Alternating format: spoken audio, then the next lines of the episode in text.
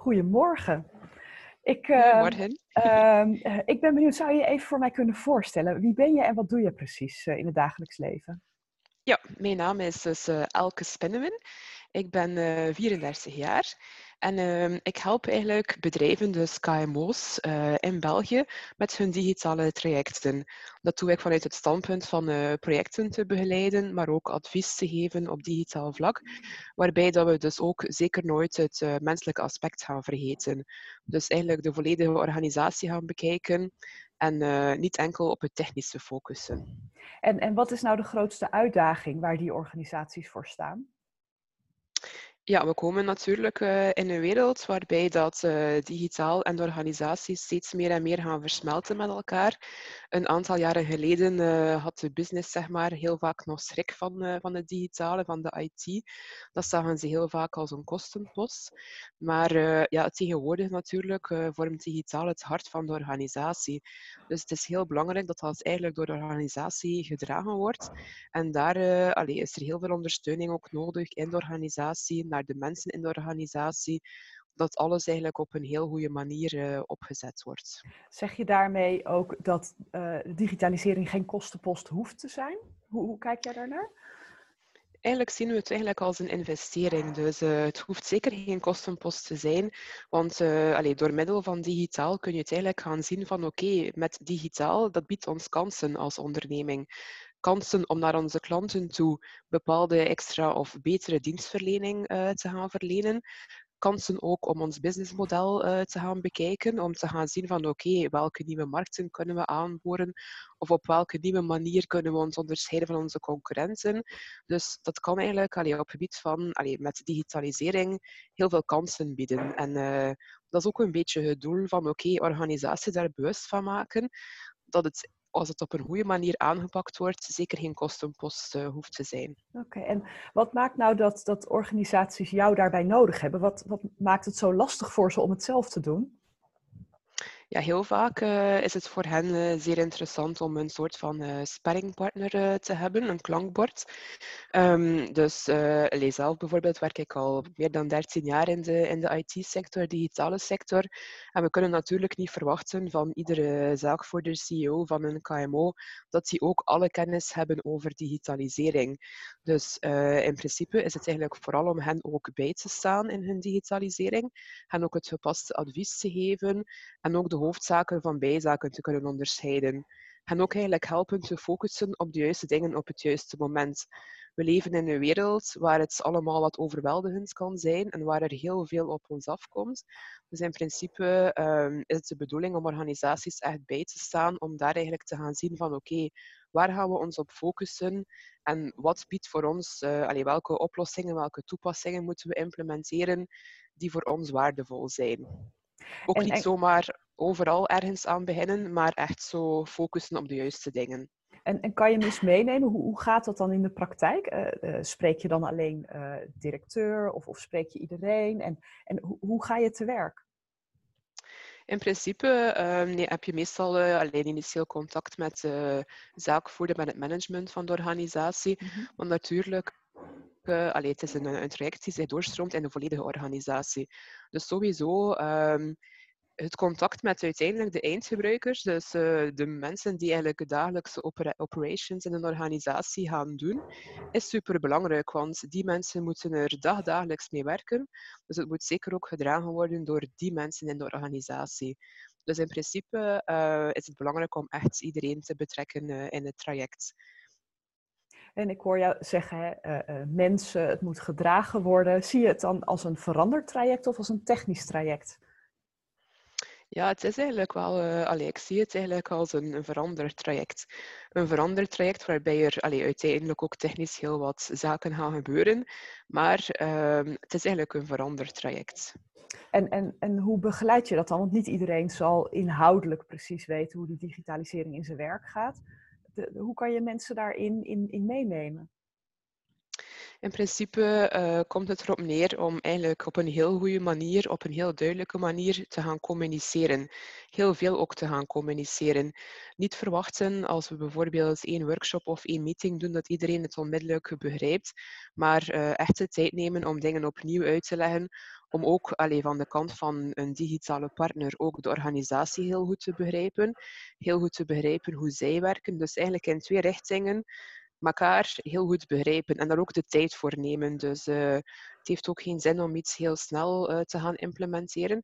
Dus we gaan ook de tijd gaan nemen om naar de mensen te luisteren, hen dingen uit te leggen, uh, te begeleiden. Dus eigenlijk op een, ja, op een iteratieve manier, zeg maar. Ja, en, en zie jij jezelf dan als een, een inhoudsdeskundige of ben je meer de generalist die de mensen meeneemt? Of, of is dat 50-50? Ja, dat is inderdaad. Uh, uh, ik ben, allee, mijn persoonlijke voorkeur gaat eigenlijk uit naar meer een generalist die de mensen meeneemt. Mm -hmm. Ik ben iemand die heel graag het proces gaat faciliteren, die heel graag overkoepelend eigenlijk gaat meekijken van oké, okay, wat gaan we implementeren en die het overkoepelende plaatje graag in beeld houdt. En die ook gaat bekijken van oké, waar zijn er nog bepaalde issues, bepaalde uitdagingen, waar moeten we wat dieper op infocussen. Uh, het inhoudelijke aspect vind ik ook uiteraard interessant om in betrokken te zijn en dien ik uiteraard ook wel uh, iets van te weten. Maar ik vind het vooral leuk om de mensen mee te nemen en de mensen binnen de organisatie, zeg maar, hen dingen aan te leren, hen te empoweren, dat zij eigenlijk ook binnen hun organisatie verder het traject kunnen helpen ondersteunen of misschien uh, zelfs een ambassadeur worden binnen hun organisatie. Kom je, kom je veel weerstand tegen? Want heel veel mensen hebben niet van nature affiniteit met, uh, met digitalisering. Dat is een beetje veranderd de laatste jaren, merk ik zelf. Um, ik vond daar, uh, allee, tien jaar geleden merkte ik daar bijvoorbeeld meer weerstand op.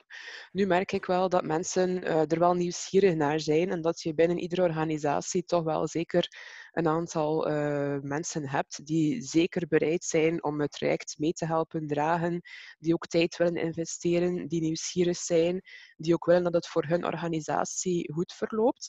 Dus in principe merk ik daar wel toch um, vooral nieuwsgierigheid en mensen die wel bereid zijn om mee te werken. En wat, wat doe je met de echte digibeten, met mensen die echt een beetje bang zijn uh, uh, voor, voor die technische kant? Dan proberen we eigenlijk um, allee, dus de uitleg die we geven altijd op een zo menselijk mogelijke manier uh, te gaan geven. Eigenlijk een beetje weg te halen van het technische, want vaak wordt IT gelinkt met iets heel technisch. Mm -hmm. Maar al, je kunt het ook helemaal gaan uitleggen op een begrijpbare manier, op een menselijke manier. En we proberen ook natuurlijk binnen een organisatie een aantal ambassadeurs ook te gaan zoeken voor een project. En die ambassadeurs kunnen dan ook terug gaan meehelpen om in de organisatie bepaalde collega's die er misschien uh, iets weigerachtiger tegenover staan, om die mee te nemen. Oké, en die ambassadeurs, uh, hoe herken je die nou? Hoe kan je als organisatie weten dat iemand daar geschikt voor is? Ja, dat is meestal, uh, meestal zijn dat ook mensen die wel ergens een proactieve rol op zich nemen en die meestal wel zelf uh, aangeven van uh, hey, ik heb interesse in dit project en die zitten heel vaak bij een eerste meeting of een tweede meeting er al bij. We gaan het ook heel vaak ook aan de organisatie ook gaan vragen van kijk, welke mensen binnen jullie organisatie zie je zelf geschikt om dit traject langs jullie kant mee te helpen ondersteunen. Het is niet enkel de IT-leverancier of de softwareleverancier die in principe een implementatie doet, maar heel belangrijk is ook de tijd of de ondersteuning langs de kant van de klant. Als er langs de kant van de klant uh, niemand is die tijd kan of mag spenderen, dan is het ook heel moeilijk om het traject te laten slagen.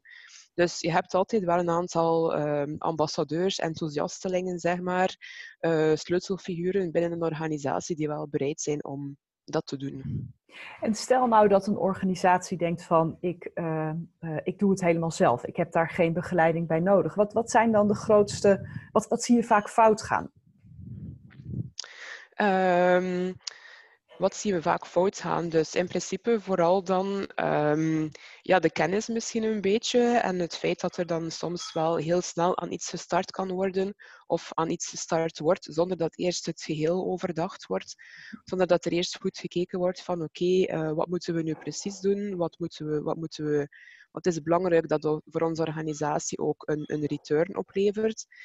En vaak wordt er aan iets gestart, maar weet men eigenlijk niet helemaal goed van hoe gaan we dit nu aanpakken En dan zie je vaak, ik stand altijd later in het traject, dat er dan toch nog externe hulp ingeroepen wordt. Oké, en, en is het dan, heeft het dan het karakter van uh, repareren? Of begin je als het ware opnieuw dan bij het begin? Hoe pak je zoiets aan als er al, iets, als er al een geschiedenis ligt?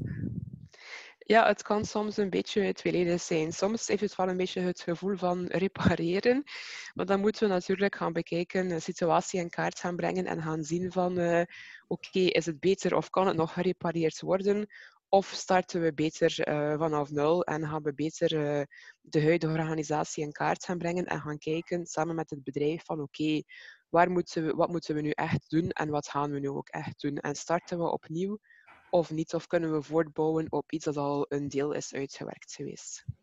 En stel dat ik een organisatie ben die ambities heeft om, om, om het digitale meer voor mij te laten werken. Hoe kan ik mij zelf al voorbereiden voordat ik jou inschakel? Wat zijn dingen waar ik nu al over na moet gaan denken?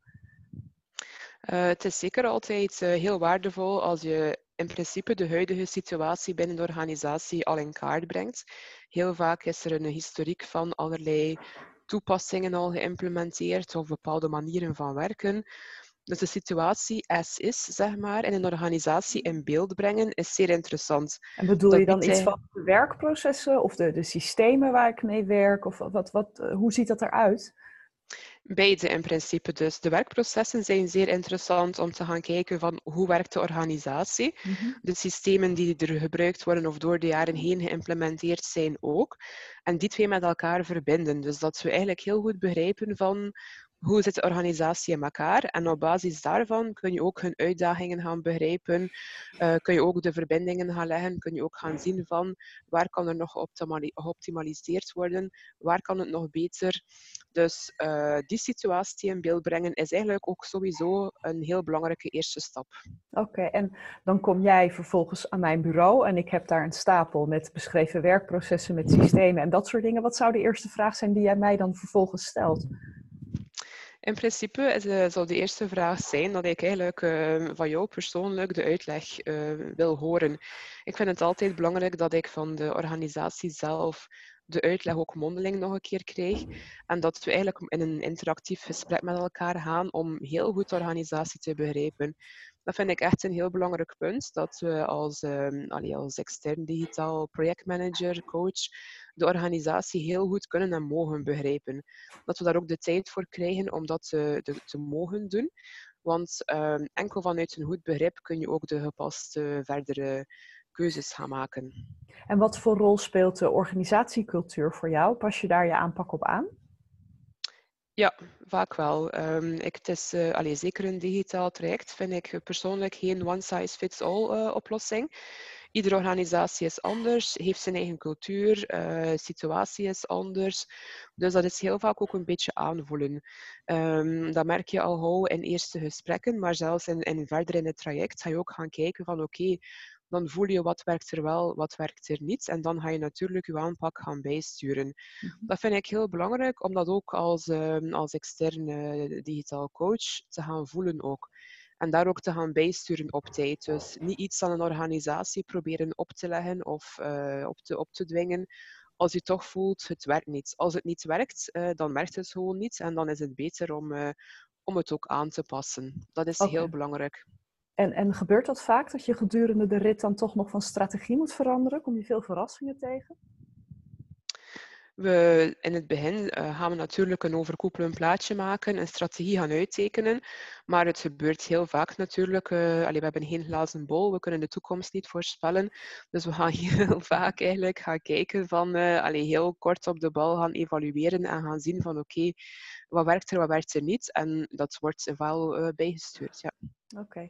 En uh, een laatste vraag. Als je mij als organisatie die wel ambities heeft, maar niet zo goed weet waar ik moet beginnen, een paar tips zou moeten geven, wat, wat, wat, wat zou je me dan mee willen geven? Hoe kan ik dit, uh, hoe kan ik mijn digitale transformatie het beste opstarten?